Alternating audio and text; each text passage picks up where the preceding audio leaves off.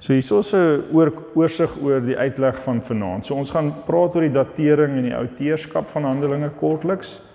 'n Bietjie gesels oor wat die doel van die boek is, hoekom is dit geskryf? Dan die genre, want die genre is belangrik om te weet dat ons nie met fiksie verhale besig is nie, maar met historiese realiteite. Hoe moet ons die boek benader? Hoe kyk ons dan na wat wanneer ons lees, ehm um, hoe benader ons dit? En dan 'n baie opwindende een vir my is dat ons gaan kyk na die prediking en handelinge en die inhoud van die prediking want dit is vir ons vandag verskriklik belangrik om te weet hoe die vroeë kerk die verkondiging van die evangelie verstaan. Die struktuur sover dit die boodskap dan ook dien, die boodskap dan van handelinge en laastens Handelinge in die kerk vandag. So ek wil afsluit eintlik met wat beteken dit nou eintlik alles vir ons as die liggaam van Christus, die kerk van Christus. So die wat die datering in die Outeurskap betref, is dit belangrik om te sê dat Lukas en Handelinge as 'n een eenheid geskryf is oorspronklik en dat dit die opvolgwerk is van die evangelie van Lukas. So as ons reken soos wat meeste Nuwe Testament kommentatore reken, is Lukas tussen 70 en 80 na Christus geskryf en Handelinge dan kort na dit. Dis geskryf in Klein-Asië, heel moontlik in Efesië en Efese en soos ons weet van Lukas, was hy 'n baie opgevoede man gewees. Ek bedoel nie hy het goeie maniere gehad nie, hy hy was hy was 'n intellektuele, goed opgevoede man en hy skryf van die beste Grieks in die hele Nuwe Testament. So as jy dit in Grieks sou lees, as jy nou kans kry om dit te doen, sal jy sien dis regtig baie goeie Grieks waarin Handelinge geskryf is. Hoewel Lukas nie noodwendig self 'n Jood was nie of waarskynlik nie self 'n Jood was nie, ehm um, kan 'n mens sien uit die skryf van die van die boek dat hy baie bekend was met die Joodse kultuur en die Joodse tradisies. En dis baie belangrik ook vir ons verstaan van die boek want 'n groot deel van dit gaan oor die sending dan ook na die Jode toe. Um en en hoe die Jode dan die boodskap van Jesus Christus sou ontvang en sou verstaan. Wat ons ook sien in Handelinge is dat in die tweede gedeelte in die latere gedeelte van Handelinge skryf Lukas 'n paar keer wat hy die woord ons gebruik. En dit wys ook vir ons dat hy 'n latere reisgenoot van Paulus was en baie baie goed vertroud was met Paulus se se doen en late. Ook sy teologie En dis hoekom wanneer ons die boek lees, dan kan ons ook weet dat baie van dit wat hersaamgestel is oor Paulus se sendingreise, dis nie te sê dat Lukas saam met Paulus was nie. Maar omdat hy tyd saam met Paulus spandeer het, kon hy kon hy waarskynlik die inligting goed neerpen. Um en en dit oordra aan ons soos wat ons dit dan ook in die boek kry. Wat is dan nou die doel van hierdie boek? En nou dit is vir my baie interessant as ons in die konteks van daai tyd gaan kyk en die eerste generasie Christene. Onthou dis dis nou 'n baie baie kort tyd na Jesus se dood en sy opstanding. En die Christelike geloof is nog eintlik heeltemal 'n nuwe beweging. So daar's 'n klomp vrae wat ontstaan het daaroor en dit het nog nie die toets van tyd deurstaan nie. Nou, niemand het al geweet gaan dit iets wees wat eintyd gevoer word of is dit iets wat bloot gaan platval en en sommer soos 'n klein vlammetjie net gaan doodgaan. So eerstens sou ons kon sê dat dat Handelinge 'n stawende, die Engelse woord authenticating dokument is. So die uitgangspunt van die boek is om die geldigheid van die evangelie, die geldigheid van die Christelike beweging te staaf en deur te gee. Dit wil ook sekerheid gee vir diegene wat gelowig word ook uit die heidendom dat hulle ingesluit is in die familie van God. So daar's baie Christene wat deel geword het wat nie Jode was nie. En miskien was daar nog baie Jode wat vir hulle gesê het wel jy moet besny word of eintlik is die verbondsbeloftes nie vir jou nie. Hierdie boek sou vir hulle die sekerheid gee maar God se sending het ook na die heidene toe gegaan, na die nie-Jode toe en hulle kan deel wees. Handelinge het ook die doel om te wys hoe God se beloftes wat hy in die Ou Testament gemaak het in Christus dan in vervulling gaan en verder in vervulling gaan deurdat die evangelie ook na die heidene toe gaan. Dan sou ons ook kon sê dat Handelinge 'n ap apologetiese doel het. Natie het laas so 'n bietjie oor apologetiek gepraat. Apologetiek is die beweging of die die um, studie binne in Christelike teologie wat gaan oor die verantwoording van die Christelike geloof teenoor vrae in ek wil sê kom ons sê um, in wetenskap of in filosofie of in literatuur. So apologetiek gaan daaroor om om te kan bewyse lewer dat dit wat ons glo regtig waar is. En in hierdie boek sien ons dat daar baie interaksie is met die Romeine, baie interaksie is met prominente leiers van daai tyd waarin die Christene dan hulle self kan handhaaf wat vir ons wys dat dit 'n geldige beweging is en dat dit dat dit iets is wat die toets van tyd dan ook sal weer sal um, kan weerstaan. Die doel van Handelinge vir Lukas is ook om te wys dat Christendom 'n voortsetting, 'n geldige voortsetting is van die Joodse geloof en dan ook dat dit nie 'n subversiewe beweging was nie, want deel van die reputasie wat die Jode oor die Christene wou versprei, is dat hulle subversief was. Met ander woorde, hulle wou eintlik die staatsbestel omvergooi. Hulle wou die samelewing ontwrig. Terwyl dit in realiteit glad nie so was nie. As ons Handelinge lees, dan sien ons die Christene was vreedsame mense wat die wet nagekom het, die landswet nagekom het en en wat nie in 'n posisie was waar hulle 'n staatsgreep wou omvergooi nie. En baie belangrik en dis waar dit vir ons ook ingesluit is. Dit gee vir Christene 'n detail oor hulle oorsprong. Wanneer ons Handelinge lees, dan sien ons waar kom ons regtig vandaan. En dit is hoekom wanneer ons sê dat die kerk moet reformeer, want dit is een van die groot doele van Handelinge, dan moet ons nie reformeer tot by Luther en Calvin nie, nee. Ons moet reformeer verder terug na die eerste eeu na Christus. Dit is ons oorspronklike identiteitsdokument as gelowiges. Die genre is belangrik want die genre help ons dat ons dit op face value kan vat as ek dit so kan stel. So dit is wat ons noem historiese biografie of historiografie en dit die term praksis die wat die woord handelinge is is 'n dis 'n term wat wat in die algemeen in daai literatuurstyl voorgekom het wat verwys het na die optrede van sekere persone of groepe. So ons sou kon sê dat daar sou dalk vandag 'n blad kon uitkom wat sou praat oor die praksis van George Berg se gemeente 2000 tot 2020. So die handelinge van George Berg se gemeente. So Baie mense sê die boek se naam moet die Handelinge van die Heilige Gees wees. Ek stem saam in beginsel is dit so dat dit eintlik die Gees se werk is. Maar as 'n autentiek stuk literatuur sou die lesers daarvan as hulle sien praksis van die apostels verstaan dat dit nou 'n stuk geskiedenis is oor die doen en late van die apostels wat gekommunikeer word. So dit kommunikeer historiese werklike feite.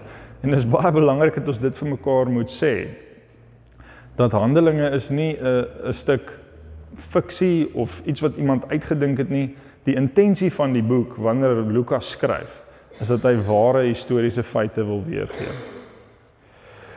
So as ons kyk na hierdie genre dan is daar baie ooreenstemmings ehm um, wat die boek self het met hierdie genre. Eerstens is daar 'n preface of 'n voorskrif. Tweedens sien ons sinkronisme. Nou 'n sinkronisme is net baie eenvoudig 'n manier van skryf waarin daar verskillende ehm um, verskillende maniere gebruik word om te kommunikeer wat se tydvak dit is. So daar sou sê maar gesê dit is in die jaar wat Claudius nou gouverneur was en ehm um, Gallio was 'n Romeinse leier gewees, maar is ook in die jaar wat dit gebeur het en wat dit gebeur het. So sinkronisme is waar daar verskillende bronne gebruik word wat stawend is om te wys in watter tydvak dit afspeel. En dit was bekend gewees in hierdie literatuurstyl. Wat ook eh, ooreenstem met antieke historiografie van daai tyd is dat onduidelike profeseë wat in die verlede gemaak is, word dan nou vervul in Handelinge. So ons vat byvoorbeeld uh die teks in Handelinge 13 vers 46 tot 47. Paulus en Barnabas het reguit vir hulle gesê, dis nou vir die Jode wat nou uh, hulle onderdruk, die woord van God moes eers aan julle verkondig word. Maar omdat julle dit verwerp en daarmee beslis dat julle die ewige lewe nie werd is nie, gaan ons nou na die mense toe wat nie Jode is nie. Want so lei die Here se opdrag aan ons. Ek het u gegee as 'n lig vir die nasies sodat u verlossing kan bring tot in die uithoeke van die aarde. So dis Jesaja 42 en 49 wat daar aangehaal word. En reg deur die boek sal jy sien dat daar's Ou Testament verwysings wat profeseë is uit die Ou Testament wat in spesifieke gebeurtenisse in vervulling gaan. So Lukas skryf en soos wat hy skryf, bring hy die hele tyd hierdie verband tussen hierdie profeseë wat in die Ou Testament uitgespreek is en die manier hoe dit nou in vervulling val. So terwyl jy lees, let op die hoeveelheid Ou Testament skrifgedeeltes wat gebruik word wanneer hulle verkondig, wanneer hulle die woord bring, wanneer hulle die evangelie verkondig, want alles van dit het 'n manier waarop dit dan uitspeel in Handelinge. En dan belangrik dan ook um, om hierdie historiese biografie te staaf is dat die skrywer homself insluit in die gebeure wat dit net 'n ekstra stukkie autentieke karakter gee. Hy was self daar. Hy het self gesien wat gebeur het. Hy was 'n reisgenoot gewees van van die apostels. Dis nie bloot dat hy net geluister het wat ander mense sê nie, maar hy het eerstens sy ervaring gehad. Nou daar's drie tipes antieke historiografie gewees. Eerstens het ons 'n historiese monograaf Nou julle dit klink nou als baie droog, maar dis dis belangrik vir ons om dit te verstaan want dan kan ons verstaan dat dit regtig gaan oor die korrekte feitelike oordrag van van die geskiedenis van die Christelike geloof.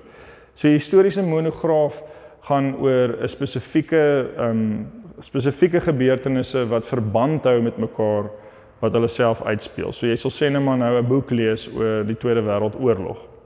So dit gaan oor 'n spesifieke ge gebeurtenis en daar's een lyn wat deur dit alles loop en alles draai dan rondom daai geskiedkundige gebeurtenisse. Tweede tipe antieke historiografie is die algemene geskiedenis van 'n bevolkingsgroep wat gegee word. En dan laastens het mens geografiese geskiedenis. Nou wat sien van hierdie drie sou julle dink is Handelinge?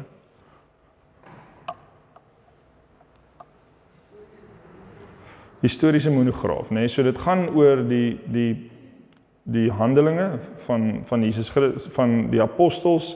Hulle is volgelinge van Jesus en ons gebeurtenisse rondom hulle lewens wat uitspeel en ons kry 'n goed gedokumenteerde weergawe van daardie gebeurtenisse. En ons drie goed wat vir die lesers baie belangrik was. Eerstens is dat dit moes waar wees. So wanneer jy 'n uh, wanneer jy 'n fliek kyk en daar staan based on true events, nê. Nee, dan weet jy jy kan dit maar met 'n knippie sout eintlik vat, nê. Nee. Want daar's 'n verskil tussen 'n fliek wat based is on true events en 'n dokumentêr. Want 'n fliek wat based is on true events vat 'n paar ware geleenthede en vleg dit dan half in 'n storie in wat nou eintlik lyk na 'n lekker storie. So as jy gaan lees, as jy 'n fliek kyk wat based is on true events en jy gaan lees daaroor na die tyd, dan sal dit vir jou eintlik baie keer sleg wees om agter te kom wat was nou regtig en wat was nou nie regtig gewees nie, nê. Nee. Handelinge is meer soos 'n aksiebelaaide dokumentêr. Een van daai, kom ons sê 'n reality TV show amper. Daar's goed wat regtig gebeur en dan gedokumenteer word. Tweedens is dit bruikbaar. So dit moenie net waar wees nie, maar dit moet ook iets wees wat ek kan iets mee doen. En dan interessant vir daai tyd wat mens dink dalk net vir ons tyd waar is, wou hulle ook hê dit moet vermaaklik wees. So dit moes lekker wees om dit te lees. Nou as jy as jy Handelinge gaan lees, dit is verseker 'n vermaaklike boek want daar's die heeltyd weet hier word die Heilige Gees uitgestort en daar's tonge van vuur en die mense begin in tale praat. Um iemand preek en daar kom duisende mense tot bekering, hulle word gedoop. Volgende oomblik begin daar 'n nuwe geloofsgemeenskap. Hulle deel al hulle besittings met mekaar. Hulle word vervolg, hulle word versprei, die evangelie versprei. Wonderwerke vind plaas, mense word genees. Dis met respek gesê very high entertainment value vir iemand wat dit sou lees eh, in daai tyd. En dan is dit belangrik om te sê dit gaan nie net oor die feite nie. So vir mense wat gelees het, dit was nie dit was nie net dat hulle net 'n droë stuk geskiedenis graag wou lees nie. It's not just the facts. Dit gaan oor wat kommunikeer dit aan ons? Wat waantoe wil dit my lei? Hoe beweeg dit my en hoe goed is dit geskryf? En is vir my in 'n sekere sin interessant dat dat die Here kies verskillende mense om verskillende boeke in die Nuwe Testament te skryf, nê. Nee. Paulus skryf 'n klomp briewe. Hy is ook baie baie goeie skrywer, hoogs geleerd. Maar ek dink nie dis toevallig dat die mees um, afgeronde Griekse skrywer uiteindelik die een is wat die geskiedenis skryf van die vroeë kerk nie.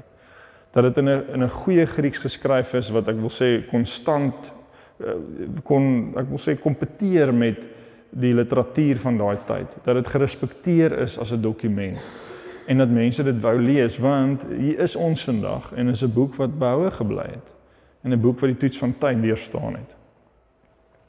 Hoe benader ons die boek?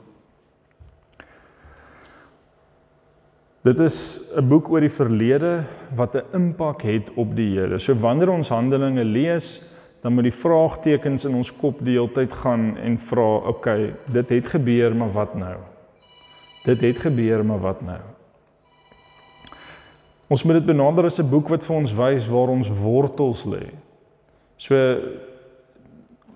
as ons as Christene Handelinge gaan lees en met die gesindheid lees dat ons vir onsself sê nee maar okay dit is dit is nou nie meer so nie en daai is nou nie meer so nie en hierdie kan tog nie waar wees nie. Ek dink dis die verkeerde kant om na te neig. Ek dink dat ons eerder die boek moet toelaat om ons uit te daag vir die manier hoe ons nou leef. Dat ons eerder dieper gaan in Handelinge se verstaan van die kerk en van die geskiedenis en dit as ons ware wortels sien. Handelinge is dan ook 'n uh, soos ek vroeër genoem het 'n reformerende dokument. Reformerend beteken dit wil ons weer terugvat na hoe dinge veronderstel is om te wees. Ons raak misvormd in ons geloof, ons raak dikwels misvormd as kerk om dit nou so te kan stel. En ons moet gereformeer word om weer in lyn te leef met die ware roeping wat die Here vir ons gee.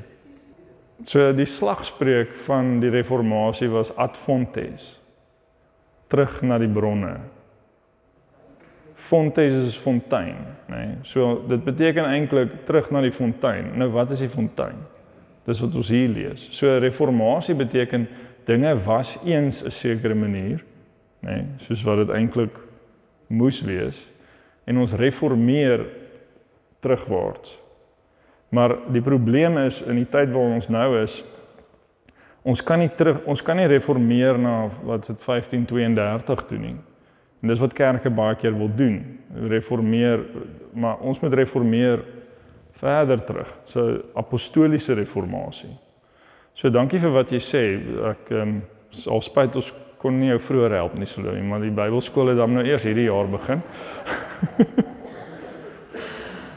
Want die probleem is reformatie is iets radikaal. Ehm um, dis iets wat jy nie half halfpad kan doen nie. As die Here jou roep en hy en hy ruk jou, dan moet jy toelaat dat dit deur jou gaan. En dis hoekom die rol van die Heilige Gees so groot is, want ons kan die Gees se werk teenstaan.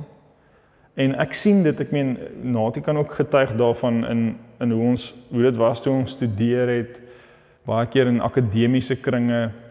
Um die volume van die Gees word afgedraai sodat ons beheer kan hê oor ek soos daai klankbord wat nou daar voor natie is. Jy kan kies wat jy mute en wat jy harder sit en wat jy sagter sit. En eintlik wil ons die gees 'n 'n oop lyn gee om in ons lewens te werk. En wanneer handelinge byvoorbeeld ons ontwrig, dan is dit 'n goeie ontwrigting. Dit is nie iets wat ons onmiddellik moet probeer dooddruk en afstomp nie. Maar ons moet toelaat dat die skrif met ons stoei op daai daai manier. Nou vir my hele eh, hierdie is net my baie exciting. Die prediking en Handelinge want dis 'n boek wat 30% van die boek is preke. Is is is toesprake, preke, verkondiging. Uit die aard van die saak is dit 'n massiewe deel van dit wat gebeur. En as ons onthou wat die eerste ding was wat die Heilige Gees gedoen het. Wat het gebeur met Pinkster? Kom ons kom ons speel dit uit. Wat is die eerste ding wat die Gees doen in met Pinkster? OK, maar voor dit, voordat hy gepreek het. OK, so die die die vier tonge het gekom en wat het hulle begin doen? OK, so hulle het nie in vreemde tale gepraat nie, hulle het in ander tale gepraat, nê? Nee? So is nie glossolia nie, dit is verstaanbare tale wat hulle gepraat het. Hoekom?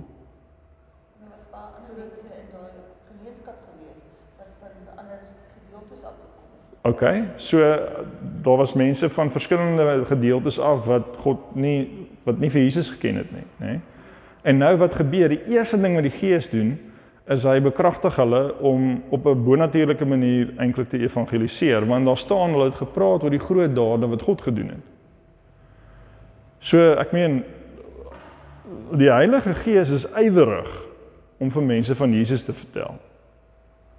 Soveel so dat mense die gawe ontvang om in 'n ander taal te praat om die boodskap uit te kry. Daar's baie ander wonders en tekens wat gebeur en deur die hele handelinge is die die, die doel van al die wonders, al die tekens, al die bonatuurlike verskynsels is die bevordering van die evangelie van Jesus Christus in die wêreld in. Dis nie vir sensasie of vir personal private use nie. Dis om die boodskap uit te kry. Um een van my dosente by wie ek klas gehad het, het dit baie mooi gesê. Hy het gesê ons maak 'n fout om te dink dat met Pinkster het die kerk die Heilige Gees ontvang. Wat met Pinkster gebeur het is die Gees het 'n kerk ontvang. So uiteindelik is ons die werktuie van wat die Gees wil doen. Ons is die liggaam van Christus. Die Gees is nie in ons diens nie. Ons as kerk is gevul met die Gees om sy doel te gaan uitleef in die wêreld. Waarvan die eerste een is om die goeie nuus te verkondig. Lukas se bronne was wat hy self gehoor het. Hy het waarskynlik ehm um, modelle gehad van hoe evangeliese preke gelyk het. Hy het ook getuies gehad wat vir hom vertel het wat gesê is. Maar nou is dit belangrik om te weet dat dit primêr gaan oor die karakter en die inhoud van wat gesê is en nie die presiese woorde nie. Dis 'n in 'n mondelinge tradisie was daar soos wat ons die skrif ontvang het, dink ek, was dit nie noodwendig woord vir woord soos wat dit daai dag gesê is nie. Van dit kan wees, maar dit gaan oor karakter en content. Ek vat 'n voorbeeld daarvan. As nee, my kollegas sal weet jy stap uit 'n preek uit en iemand sê na die tyd vir jou dankie en hulle sê vir jou hulle het nog nooit so daaraan gedink dat Jesus regtig die leeu van Juda is nie. En ek is net soos ek het nie dit gesê nie. Dis nie dat dit nie waar is nie, maar ek het dit definitief nie in die preek gesê nie. Maar daai dag het daai persoon op een of ander manier in wat ek gesê het dit gehoor. Of iemand kom sê gesels met iemand na die tyd oor 'n preek wat daai persoon ook by was. En hulle het iets heeltemal anders wat hulle daarvan wegvat en hulle beklemtoon en hulle haal aan wat die persoon gesê het, maar hulle haal nie die persoon woord vir woord aan nie. Nou as dit waar is van 'n Sondag na 'n Dinsdag en is die Gees wat werk, dan dink ek is dit oukei okay vir ons om te weet dat die gist van die saak is oorgedra. So of hulle nou gesê het Jesus Christus het gesterf vir ons sondes of hulle gesê het Jesus Christus het gesterf um omdat hy vir ons lief is. Ek meen albei van daai goed kan waar wees. Dalk is dit in een sin gesê. Die woord vir verkondiging is die woord kerigma. Dit is die doel van die kerk is om die evangelie te verkondig en dis baie belangrik vir ons vandag. Sorry, ek het daar 'n spelfout gemaak. Die, die kerigma van die vroeë kerk is belangrik want dit gee vir ons 'n verstaan van hoe hulle die evangelie verstaan het.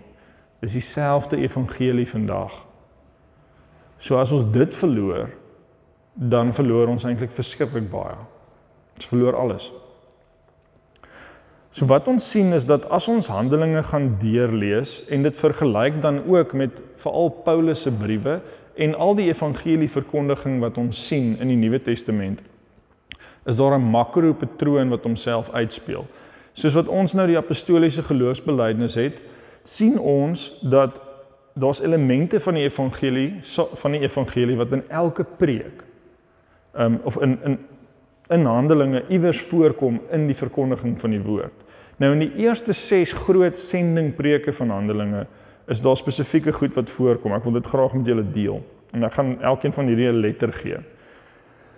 Jesus, dit wat gebeur is voorspel in die skrifte. So dit hulle dit gepreek. Jesus word in verband met 'n Ou Testament tipe gebring of Dawid of Moses, nakomeling van van Dawid, 'n profeet soos Moses. Johannes die Doper is sy voorganger. Daar word gefokus op Jesus se bediening. Jesus sterf vir ons en volgens die skrifte. So dis belangrik.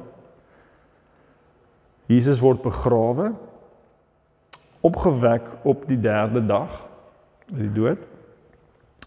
Hy verskyn dan aan sy disippels wat nou getuies word van dit wat gebeur het. Hy word verhef deur God. Hy gee bystand vir gelowiges en hy sal terugkeer as regter. So as ons na al die preke in die Nuwe Testament gaan kyk en al die preke preke en Handelinge, dan kom verskillende kombinasies van hierdie aspekte voor in in die in die kerigma van die vroeë kerk. Maar nou wil ek julle iets wys wat nou vir my baie interessant was want ek het so 'n bietjie van 'n navorsingsbrein. Ehm um, wat van hierdie goed dra is dit oukei okay dat van dit meer gewig dra as ander? Dink julle dis oukei okay, om te dink van dit is belangriker as as as ander? Ek dink is. Okay. Nee. So wat sou julle sê van daai lys van goed? Wat dink julle sal die meeste voorkom? In in hulle prediking. Wat gaan ons die meeste sien? Julle kan maar net weet Jesus het opgestaan. Wat nog? Hy sterf. OK. Dit is vredelik veilige antwoorde, nê? Nou ek wil graag vir julle wys hoe lyk dit. OK. So dit wat ek nou vir julle wys is uit die eerste 6 preke wat lang preke was. So dis half die die groot sending preke van Handelinge. En ek begin dit van agter af vorentoe. So een uit die 6 keer word daar gesê dat hy gaan terugkeer as regter. Daar word een keer verwys na hom wat begrawe is. Daar word twee keer uit die 6 keer gesê dat Johannes die Doper die voorganger was. Drie keer uit die 6 word Jesus vergelyk met 'n Ou Testament met of Moses of Dawid. En dan word ook gesê 3 uit die 6 keer dat dit voorspel is in die skrifte. Nou wat ons duidelik kan sien is dat van hierdie preke was definitief oorwegend gerig dan nou tot 'n Joodse gehoor, nê. Nee. Ek gaan nie noodwendig na die heidene toe gaan en sê Jesus het opgestaan volgens die skrifte nie.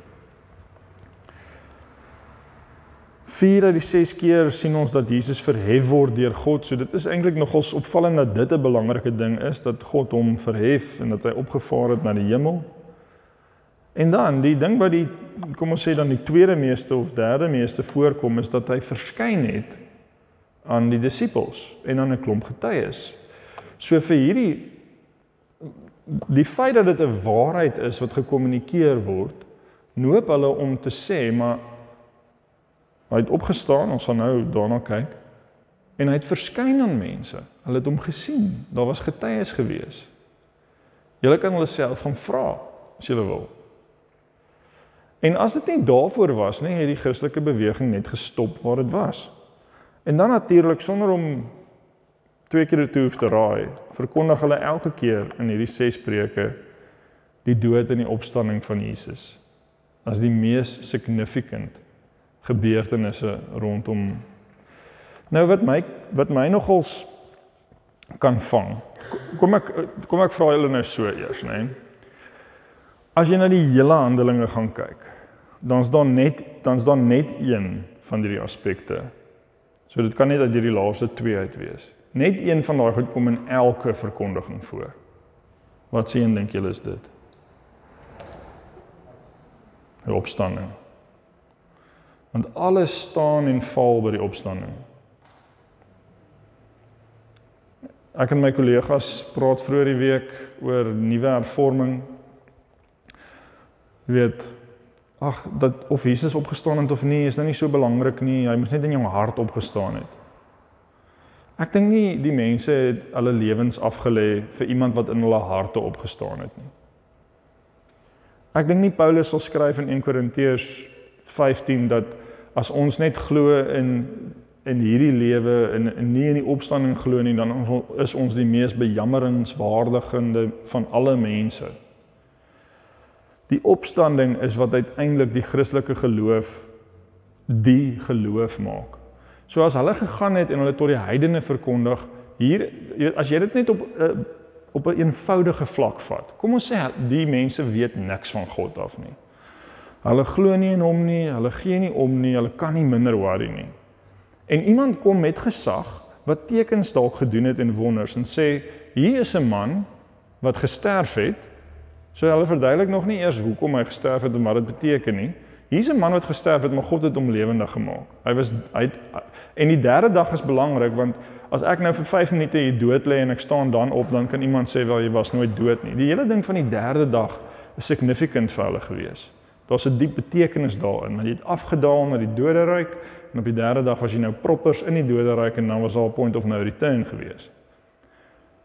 Wel dan sal iemand luister soos half okay, maar dit moet tog iets beteken as daar iemand was en daar was getuies wat dit gesien het wat actually opgewek is uit die dood uit. En daarom as ons kyk na die kerigma van die vroeë kerk dan moet ons vir mekaar sê dat die belangrikste deel van ons verkondiging is dat mense vir die lewende Jesus Christus moet ontmoet. En hy lewe omdat hy opgewek is uit die dood deur die Vader en aan sy regterhand nou sit. Dit is die lewende realiteit wat die Heilige Gees vir ons konkreet wil laat waar word. En wat hy wil wys vir mense in hulle lewens. En ek dink in die tyd waarin ons is as ons kyk na hierdie aspekte van die evangelie ons hoor baie boodskappe miskien van gemeenskapsbetrokkenheid. Ons praat van social justice, nê? Nee? Toe die en dis nie slegte of verkeerde goed nie. Maar daar's 'n gesegde wat lê ehm um, it's the good news is not good advice, nê? Nee? Kerigma is 'n aankondiging. Dit vertel iets wat God gedoen het. Dit vertel nie vir mense wat hulle behoort te doen nie, Die reaksie is die ding wat volg op die kerigma. Dis hoekom elke keer as word gepreek, dan vra hulle maar wat moet ons doen om gered te word? Bekeer julle en laat julle doop. So die reaksie volg na die verkondiging. God werk in hulle harte. Maar dit is belangrik vir ons om te weet dat ons altyd weer moet terugkom na die hart van die evangelie. En dis hoekom Paulus se teologie vir my so besonder is. Want wat Paulus doen is, hy vat nou hierdie aspekte. Jesus se dood en sy opstanding. En hy wys hoe dit vertak in elke fyn detail van ons lewe in. So dis nie net mooi woorde nie. Hy sê maar okay, Jesus het gesterf. Nou wat, hoe skryf hy dan daaroor? Hy sê ons het saam met hom gesterf. Dis nie meer ek wat lewe nie, hy leef in my. My ou bestaan is nou dood. Ek kruisig die sondige ou natuur. Ek is nou in Christus, ek het 'n nuwe identiteit. Ek het opgestaan saam met hom. Ek lewe saam met hom. Dis nie meer ek wat leef nie, dis hy wat in my leef. So alles in ons lewe wat vir as Christen van nut en van belang is, het oorsprong en ontstaan in die hart van die evangelie van Jesus Christus. En 'n mooi manier waarop ek dit al gehoor het wat vir my so wat my so geraak het was om te sê dat die Heilige Gees hierdie hierdie evangelie is soos is soos die bedrading van 'n huis. Jy weet jy jy kan nie as jy dit verkeerd bedraad gaan jy kortsluiting sê. Maar die Gees kom gee dit die krag en die realiteit. So hierdie huis wat nou bedraad is met hierdie goeie nuus. Die Heilige Gees kom in en laat die krag vloei en sit die ligte aan. Die Heilige Gees wil dit wat Jesus vir ons gedoen het 'n ervaringsrealiteit vir ons maak. So as ons aan die Gees dink, dan moet ons nie aan die Gees dink aan 'n onpersoonlike mag of een of ander sensasie wat 'n invloed in ons lewens wil uitoefen nie. Die Gees is 'n persoon van die drie eenheid en die Gees wil Jesus Christus verheerlik. Wil ons kom vul sodat die evangelie weer deur ons kan vloei na ander mense toe.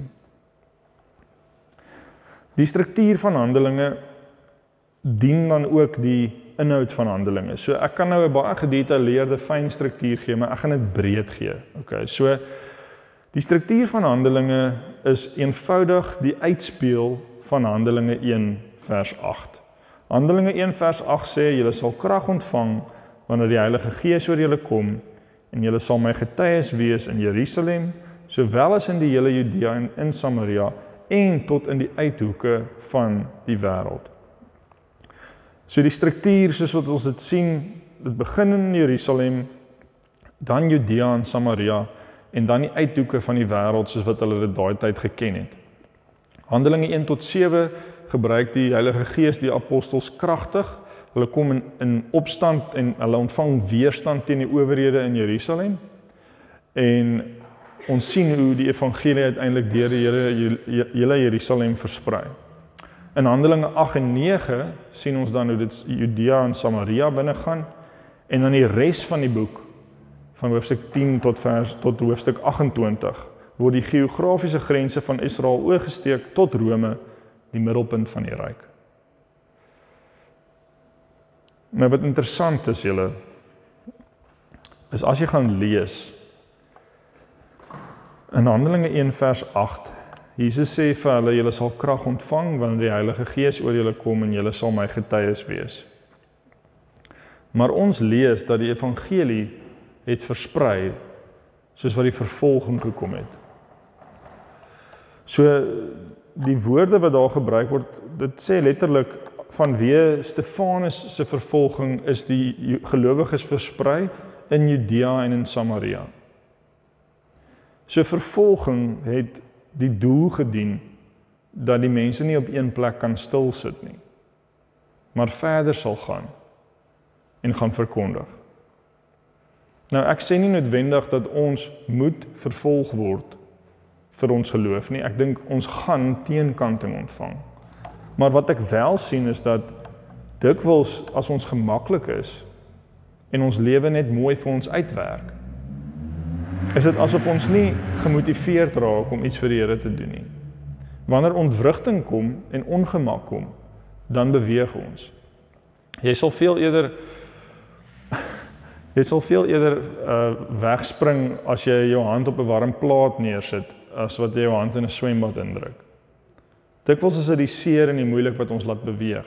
En ek dink God het die vervolging gebruik uh, met respek dan nou gesê as 'n deel van sy strategie dat dit vir hulle die vroeë gelowiges lees ons het gesê dit was vir hulle voorreg om te kon lei in die naam van Jesus Christus. So daar was 'n voorreg en 'n trots vir die gelowiges daarin. Maar dit was ook deel van God se plan dat hulle uit dit uit sal versprei en verder gaan en die goeie nuus die wêreld indra. Ek wil julle gou iets wys. Sorry, ons klank werk nou net nie, maar dis dis net musiek in die agtergrond. Ek wil julle wys net om 'n prentjie te kry van wat die Christelike geloof is soos 'n veldbrand wat versprei. Um dit het nooit opgehou beweeg en opgehou uitbrei nie. En hierdie video is net so 'n opsomming van Jesus se kruisiging tot nou, hoe die verspreiding plaasgevind het.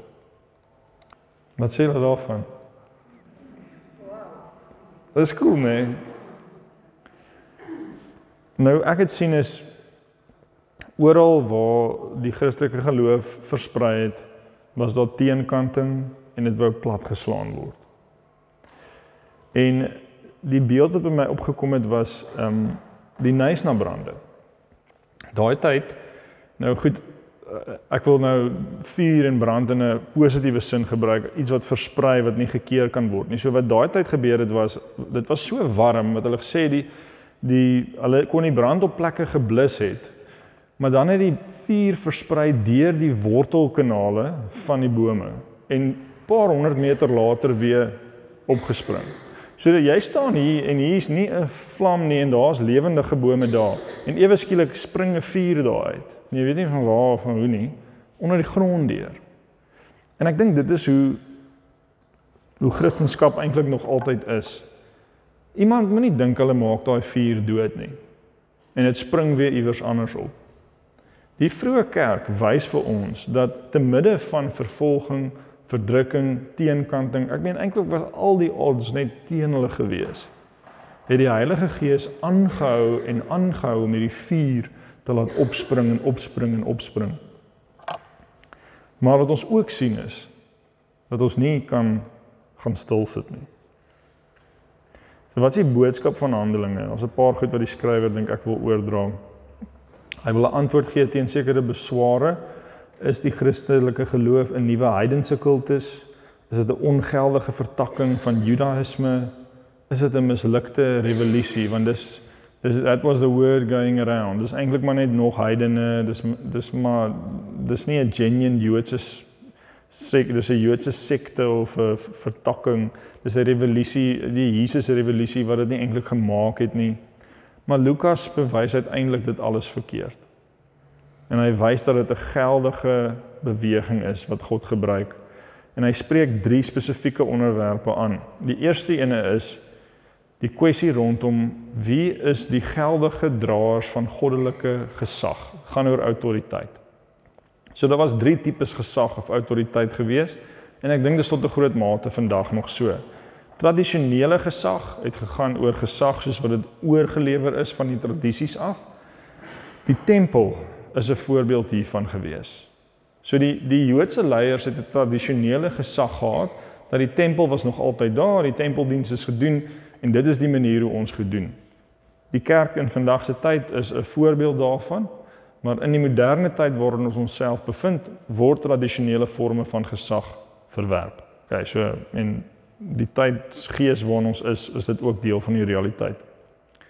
Tweedens is daar wat ons noem funksionele gesag en dit gaan daaroor om dinge gedoen te kan kry. So wanneer iemand hier inkom en hulle sê, weet jy wat, julle moet my laat klavier speel in julle gemeente. En ons sê, okay, nou waar het jy geswat? Wat het jy gedoen? Hoe, jy weet, en hulle sê nee, hulle het geen opleiding nie, hulle het hulle self geleer speel en ons is soos nee, wat jy don't even bother, jy weet, as jy nie vir ons kan wys waar jy opgelei is nie, moenie kom speel nie. En die persoon gaan sit dan en hulle speel soos die beste pianis in die wêreld klavier dan is dit funksionele gesag. Die manier waarop iemand iets gedoen kry, gee vir hulle gesag en jy luister na hulle en jy en Paulus was 'n voorbeeld hiervan as hy vir die gemeente in Korinte skryf. Ek het na julle gekom nie met geleerde woorde nie, maar deur die krag van die Gees. Hulle het gesien wat se werk hy gedoen het in hulle midde. Dit dit is 'n vorm van gesag. En dan die derde tipe gesag is wat ons noem charismatiese gesag. En dis wanneer 'n 'n groep mense goed reg kry wat nie op 'n menslike manier verklaarbaar is nie. Maar dat dit nie anders kan wees as dat hulle die salwing van God op hulle het nie. En dit is die gesag wat die vroeë Christene gehad het. Die tradisionele gesag het gesê hierso is wat die geskrifte sê, hierso is wat ons geskiedenis as Joodse geloof sê. Julle kan nie kom en nuwe goed kom uitdink nie. Maar nou weer die belangrikheid van die tekens en die wonders. En hoekom dit histories belangrik is. Want hulle het 'n nuwe vorm van gesag nodig om te wys hierdie is nou die manier hoe God werk. Blindes sien en lammes loop, mense ontvang genesing. Mense praat in ongewone klanke en tale. Heidene kom tot geloof en ontvang die Heilige Gees. Dit kon nie ontken word nie. En daarom iemand soos Gamaliel wat sê, "Julle maar pas op dat ons nie teen God in opstand kom nie. Ons moet hierdie mense los. As dit iets is wat van God afkom, dan is dit goed. As dit nie van hom afkom nie, sal dit self doodloop." Want daai salwing was op hulle bediening gewees. Die tweede ding wat Lukas wil aanspreek is Jesus en die kerk en die wil van God. Ek gaan net vinnig deur dit gaan. So hy wil net wys dat Christendom, Jesus wat wat aarde toe kom en vir ons sterf en opstaan, is van die begin af deel van God se plan gewees. Hy bevestig uit die Ou Testament Jesus se messiaskap. Lukas sê ook vir die vir die vroeë gelowiges dat die herbou van die huis van Dawid, die herstel van Israel is ook deel gewees van God se plan deur Jesus. En daarom gaan hy eers na die Jode toe om hulle te um te bekeer. Maar nou die belangrike lyn dan ook dat die heidene ingesluit word en dat dit nie 'n nuwe ding is wat God doen nie, maar dat dit vanuit die Ou Testament bevestig word dat God nog altyd dit sy plan gehad het om al die nasies in te sluit as deel van sy volk. Kornelius en sy huisgesin wat tot bekering kom en gedoop word en die Heilige Gees ontvang, is 'n voorbeeld hiervan. Hoe die Gees net op 'n nuwe manier werk en God se plan om na die heidene nasies toe te gaan uit te voer. En die derde ding wat Lukas wil doen om die boodskap van Handelinge dan nou tuis te bring is hy wil graag 'n korrekte beeld van gelowiges vir binnestanders en buitestanders skets. Hy wil wys vir almal hoe lyk Christene nou eintlik. So hy wil 'n bepaalde prentjie gee en hy wil nie hê dat mense oortuig moet word deur dit wat hy skryf nie, maar deur die manier hoe die vroeë Christene geleef het. So hy beskryf hulle karakter, hy beskryf hulle doen en late, die manier hoe hulle mekaar was en dit wen uiteindelik die wêreld vir Christus. Hy skryf ook en veral as ons lees oor Paulus dan word daar bevestig dat hulle onskuldig is voor die Romeinse wet. Hulle is nie 'n subversiewe groep wat die wet wou oortree en die samelewing by ontwrig nie. Dis juis mense wat vrede liefgehad het, hulle het hulle het guns en goedgesindheid van die mense geniet en hulle het 'n gemeenskaplike bestaan gevoer wat net kon getuig van liefde en goedheid. En dan waarmee ek wil afsluit vanaand en waarby ek 'n oomblik of wat gaan stil staan is net Handelinge in die kerk vandag. In die kragveld van die Gees. In die kragveld van die Gees. So in die jongste kerkbode lees ons nou oor die statistieke in die NG Kerk, nê. So sedert 2018 het natie hoeveel gemeentes het uh gealmal almal gemeer wat 100 en something. Nee. 40 of 50 So gemeentes smelt saam, gemeentes maak toe daar's 30% minder predikante as 4 jaar terug. En wêreldwyd gaan dit so in die mainline kerke as ek dit nou so kan stel. Maar die kerk groei wêreldwyd, nê. Nee. En die vraag is of ons as kerk gaan bely en aanhou glo dat ons in die kragveld van die Heilige Gees lewe. Want in die kragveld van die Gees is ons deel van 'n ontploffende beweging wat nie gekeer kan word nie. Of daar nou vervolging is, of daar nou teenkanting is, of daar nou onsekerhede is of jou land se president nou skielik verwissel. Die wêreld het nog altyd probleme, daar's nog altyd uitdagings. Maar in die kragveld van die Gees is ons 'n gemeenskap wat in die uitdagings God se geleenthede kan raak sien. So die eerste ding wat ons leer in Handelinge vir die kerk van vandag is die gemeenskaplike aard van Christelike disippelskap. Ons leef in 'n individualistiese onafhanklike vrye wêreld. Mense wil graag hulle voorkeure van keuses kan uitoefen Hulle wil nie hê dat mense vir hulle moet sê hoe hulle moet leef of wat hulle moet doen nie. En in hulle geloof wil hulle groei op hulle eie manier, op hulle eie tyd, in hulle eie privaatheid. Handelinge leer vir ons dat jy kan nie deel van Christus word sonder om deel van 'n gemeenskap te word nie. Dis deel van die pakkie. En wat ons dan sien is dat hierdie gemeenskap vorm aan mekaar, slyp aan mekaar daag mekaar uit. Daar is konflikte binne in hierdie gemeenskap, maar daar's nie regtig 'n ander manier om te groei as 'n volgeling van Jesus as om dit binne in die geloofsfamilie te doen nie. In ons tyd het ons baie van hierdie kollektiewe verstaan van geloof verloor. As ons lees oor die vroeë Christene, hulle het saam gekom elke dag, hulle het gebid, hulle het saam geëet, hulle het brood gebreek, hulle het saam geleer wat die apostels vir hulle sê. En in hierdie gemeenskap het hulle gegroei, verdiep in hulle verhoudings met mekaar en hulle verhouding met God. Dit daag ons uit in die manier hoe ons Ek sê in die tyd waarin ons leef agter 'n skerm kan sit week op week. Kerk kyk nê nee, soos wat mense dit sal verwoord. Ek kyk nou kerk op die TV ek dink dis 'n dis 'n 'n paradoksale stelling. Ek dink nie mense kan kerk kyk nie kan 'n erediens kyk, maar jy kan net kerk wees. Kerk is wie ons is. Dis soos goed jy sê, jy's ek gaan 'n bietjie aandete kyk. O, ek sien so uit om 'n bietjie aandete te kyk vanaand. Ek gaan 'n video kyk van hoe my gesin sit en eet. Nee. Daar goed het 'n plek. Maar ons is geroep om deel van 'n geloofsgemeenskap te wees en almal van julle wat al iets ervaar het van 'n klein groep, 'n omgee groep, 'n selgroep, 'n Bybelstudiegroep, sal weet en sal kan getuig die vrug daarvan om saam met ander mense te groei in jou geloof.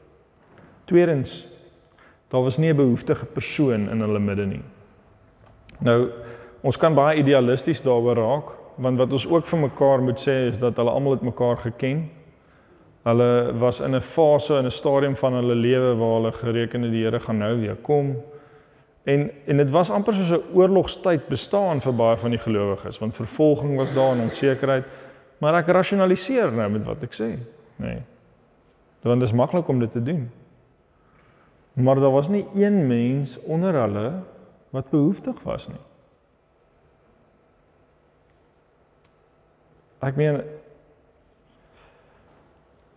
hierso mense weet eintlik nie eers altyd of mense behoefte het of nie. Mense praat nie oor behoeftes nie, hulle is privaat. En ons klou vas aan ons besittings. Ons beplan ons lewens uit. En dit daag mense net uit om regtig te dink aan aan wie behoort dit wat jy het? En wat is vir jou belangrik? Ons in hierdie tyd van Advent dink ons ook oor die tyd dat Jesus weer kom, oor die feit dat hy weer kom, nê. Nee. Want dis die tyd wat ons ook afwagting het daarvoor. Die feit dat Jesus weer kom, moet ons ook 'n realiteit gee dat dit wat hier is is ook tydelik. Dit wat ons het is ook tydelik. Ons moet die beste maak van elke geleentheid. En deel daarvan is om die mense om ons te dien en te gee van wat ons het sodat ander nie behoeftes sal hê nie baie baie baie baie belangrik. Die kerk is in 'n sending na die wêreld. Sending is nie soos een van daai goed van dis 'n goeie ding om om 'n sending gedrewe kerk te wees of dis dis belangrik dat 'n kerk 'n sending visie moet hê. Nee. Die kerk in sy wese, in haar wese is op 'n sending na die wêreld toe. Anders is dit soos 'n kar wat net in 'n garage bly. Ons gaan sê nie, "Jesus, maar dit is regtig belangrik dat 'n kar moet ry nie." 'n Goeie kar sal dan tyd op die pad spandeer. Het jy gesien hoe nice is daai ou se kar dat hy gery het iewers heen met hom? Ons praat nie so oor karre nie. 'n Kar ry, dis wat 'n kar doen. 'n Kerk gaan. 'n Kerk is gestuur. 'n Kerk verkondig die evangelie in die wêreld in. Dis deel van ons identiteit. En dit sê vir my dat As die Heilige Gees dan nou soos petrol is vir hierdie kar, beteken dit as as die kar stil staan, jy nie die krag van die Gees gaan ervaar nie, nê. Nee. 'n Kar kan net brandstof brand as hy aan die beweeg is. Maar die Gees is nie duur soos wat brandstof duur is nie, is gratis, nê. Nee. Maar ek dink dikwels mense smag na die werk van die Gees, maar die totale stilstand en selfsug maak dat ons die Gees het nie 'n kans gee om iets in ons lewens te doen nie. Ek dink baie keer as mens sien hom op 'n uitreik gaan of jy gaan dien jou naaste, as jy net daai tree neem baie keer, ervaar jy hoe die Gees iets doen. Ervaar jy hoe die Gees deur jou werk. Ek dink dis hoekom sending uitreike vir mense sulke wow oomblikke is, want jy sien wonderwerke. Jy sien hoe mense tot bekering kom. Jy sien hoe detail van goed in mekaar invleg. En dan kom jy by die huis en dan dink jy, "Wow, dit was nou regtig net in Mosambiek so gewees. Dit is nie in George so nie." Dit gaan oor dit wat in ons harte gebeur wanneer ons uitreik met die goeie nuus en om dan te voel die Heilige Gees in ons werk wanneer dit gebeur. Ek het net 7 punte hier, so ek's amper klaar. Handelinge lewer kommentaar ook op wanneer ons moet onderskei sonder dat daar duidelike riglyne uit die skrif uit is. Met ander woorde, baie keer is daar goed wat ons oor verskille het en die Bybel het nie vir ons 'n klinkklare antwoord daaroor nie. Nou in baie van ons debatte is daar eintlik klinkklare antwoorde na my mening, maar mense voel daar is nie ons as Christene moet saam kan sit, saam kan redeneer, saam kan onderskei. Wat ons sien in Handelinge is daar's 'n patroon wat homself uitspeel in Handelinge 10 tot 15 en dit het spesifiek gegaan oor die besnydenis en oor die heidene wat ingesluit word. Daar gebeur goed, die Here druk goed op leiers, in leiers en in gelowiges se gedagtes. Goed word op hulle harte gelê, gewaarwordinge.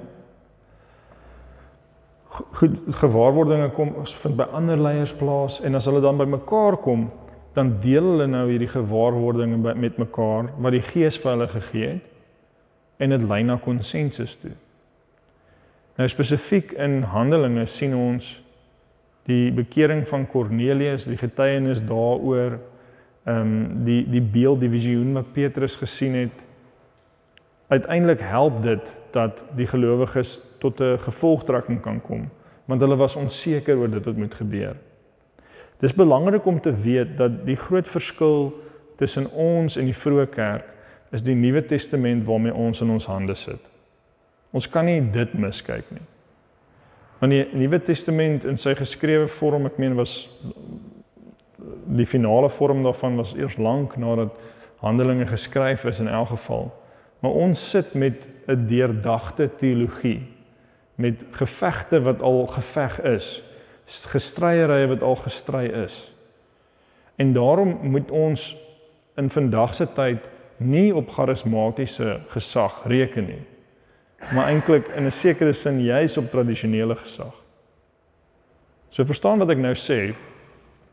As jy vandag vir charismatiese gesag luister, dan val jy vir charismatiese gesag. Jy kry 'n bushiri wat vir jou wil vertel dat hy, jy weet, die geld is hier maar is nog in jou sak of daai doom profeet wat julle onthou daai man wat so die mense met die doom gespuit het. Ons staan in 'n in 'n ja, ons staan in 'n charismatiese gesag van wat eintlik 'n tradisionele gesag is. So ons het gesag in terme van die gees wat deur ons werk. Maar ons gesag lê in wortels wat ver ver ver teruggaan. So iemand wat nou as Christen praat, praat nie nooit in 'n ligleegte nie kom nooit met 'n nuwe openbaring wat toegevoeg kan word tot dit wat ons in die skrif het nie. En daarom is hierdie aspek belangrik want nou het ons 'n nuwe gespreksgenoot bygekry wanneer ons gesels oor sake wat moeilik is en uitdagend is en ons antwoorde oor nodig het. Maar baie belangrik, die Bybel is ook 'n gemeenskapsboek. Met ander woorde, dis 'n boek wat saam gelees moet word. Geen mens het hulle uit wysheid in pag as dit kom by die interpretasie van die skrif nie. Ons lees in Efesiërs 6 oor die wapenrusting die swaard van die gees. Dit is die woord van God. Dis die gees se swaard. Die gees moet dit oopsluit om te interpreteer. Ek was eendag by 'n manontbyt gewees en ons het so om 'n tafel gesit en ons praat toe so en daar's 'n ou wat ek kan sien hy is nie baie opgewonde nou daaroor om saam met ons aan 'n tafel te wees nie, maar gesels toe nou met hom en vra vir hom hoe gaan dit en hy sê dit gaan goed en ek vra nou van waar af is hy? Nee, hy is van George en so en so en so en ek vra okay, maar in watter kerk is jy? Nee, hy is nie in 'n kerk nie, hy is in 'n geloofsgemeenskap of so. Hy het so een van daai antwoorde gegee wat ek soos okay, great. Sê ek okay, maar dit klink interessant. Ehm um, wat wat glo julle? Wat is nee, ons glo die Bybel. So wat ek wat ek net wil sê deur hierdie storie is ons almal glo die Bybel, nê. Nee. Maar ons staan in 'n tradisie van interpretasie van die skrif. En dis anders as wat die kerk in Handelinge gehad het. Hulle was besig om die skrif te vorm. So een ding wat ek kan sê, die woord heilshistories is 'n belangrike woord. Heilshistories beteken dis 'n manier hoe God se heilsplan uitspeel in die geskiedenis op spesifieke tydvakke. En Handelinge is 'n tipe van 'n skarnierboek waar daar sekere goed is wat gebeur wat miskien net een keer so gebeur. Heilige Gees is nie weer so uitgestort soos wat dit in Handelinge gebeur het nie. Ons ontvang die Gees deur geloof. Maar ander goed moet ons weer herontdek soos wat dit was in Handelinge se tyd. En dit vra wysheid om te weet wat gaan vir wat. Maar die skrif is vir ons sentraal belangrik om vir ons gesaghebbend te wees in die besluite wat ons maak. Maar dit bly die Gees se skrif. 'n Interessante een vir my is die manier hoe leiers aangewys word binne in die kerk. So in vandag se tyd as jy predikant is, dan weet jy dis moeilik om vrywilligers te kry. Soms moet mense gesoebat word en dan wanneer jy hulle het dan is jy tog net te dankbaar en jy wil alles doen in jou vermoë om hulle net daar te hou. So dit is regtig die realiteit vir baie kerkleiers. Uh, gelukkig in Bersig is dit nie so nie. Al die leiers wat dien is net goeie gesindheid en niemand gaan ooit weg nie. OK. So in Handelinge sien ons 'n geval waar daar op grond van mense se karakter vanuit die gemeente leiers aangewys word. Daar's dan twee gevalle na dit waar God self leiers aanwys. Hoe presies dit gewerk het, weet ek nie. Maar wat mens wel sien is dat die hele gemeenskap het hulle self gesien as dienaars van God en van die kerk. En dit beteken dat jy eintlik so half reg gesit het vir die oproep tot leierskap. So so dit eintlik kan 'n mens sê dat in vandag se tyd vra ons vir iemand om te help en mense meld aan. In die vroeë kerk was almal aangemeld. En dan het die Gees gelei wie gaan wat doen. Dis net so 'n totale ander manier van kerk wees verstaan. So Petrus hoef nie te wonder as hy nou vir Anna sê Anna die Here het dit op ons hart gedruk dat jy moet ehm um, die gras sny. Dis nou nee. Hy hy het nie verwag half dat Anna kan nee sê of dat Anna ander verpligtinge het of dit was nie hoe dit gewerk het nie. Nou, ek sê nie dit moet nou vandag so wees nie. Ek ek sê net hoe hoe dit uitgespeel het. As ons dit net gaan lees op face value nê. So die vraag is wat is mense default setting? Is jou default setting dat jy aangemeld is vir diens? En dan as die oproep kom, dan is dit net 'n formaliteit en jy's daar. Of wag jy totdat iemand jou roep en dan sal jy sien miskien of dit in jou program kan pas. Dis baie uitdagend vir 'n mens. Want weer eens wys dit vir ons dat ons lewens nie in ons beheer is nie. Ons behoort aan die Heilige Gees. En dis die Gees se kerk. En dit laat my baie dink aan prosesse wat ons al in die gemeente deurgegaan het, die manier hoe mense aangestel word. Wanneer jy die Gees se leiding volg, is dit baie makliker om te weet wie is dit wat die Here regtig oor ons pad stuur wat hy wil gebruik om die werk te doen. En daarom moet jy bid vir ons as leiers in die gemeente. Ons lees as Paulus skryf vir Timoteus, jy moet ouderlinge in die hakens aanstel. Bid vir die kerkraad, want die kerkraad moet uiteindelik keuses maak oor watter mense moet wat doen. Die leraars moet besluite maak wie om te betrek by bedieninge. En ons lees en ons weet dat daar wolwe is wat in skaapsklere rondloop. En daarom het ons 'n gemeente nodig wat bid. Die voordeel van om leiers so te kies is dat die leiers weet as hulle deur die gemeente verkies word, dan gaan die gemeente hulle ondersteun en die gemeente weet dat hulle 'n verantwoordelikheid het teenoor daai leiers want hulle het hulle gekies. Dit is 'n gesonder manier. Ek weet nie hoe dit in die praktyk altyd sal werk nie, maar dit dit het my nogals gegryp in in hoe dit in Handelinge uitspeel. Tweede laaste punt vir vanaand. Ons sal teenkanting ervaar wanneer jy God se agenda dra in die wêreld gaan jy te doen kry met mense wat nie God se agenda dra nie. En die logiese uitvloeisel daarvan is konflik en weerstand.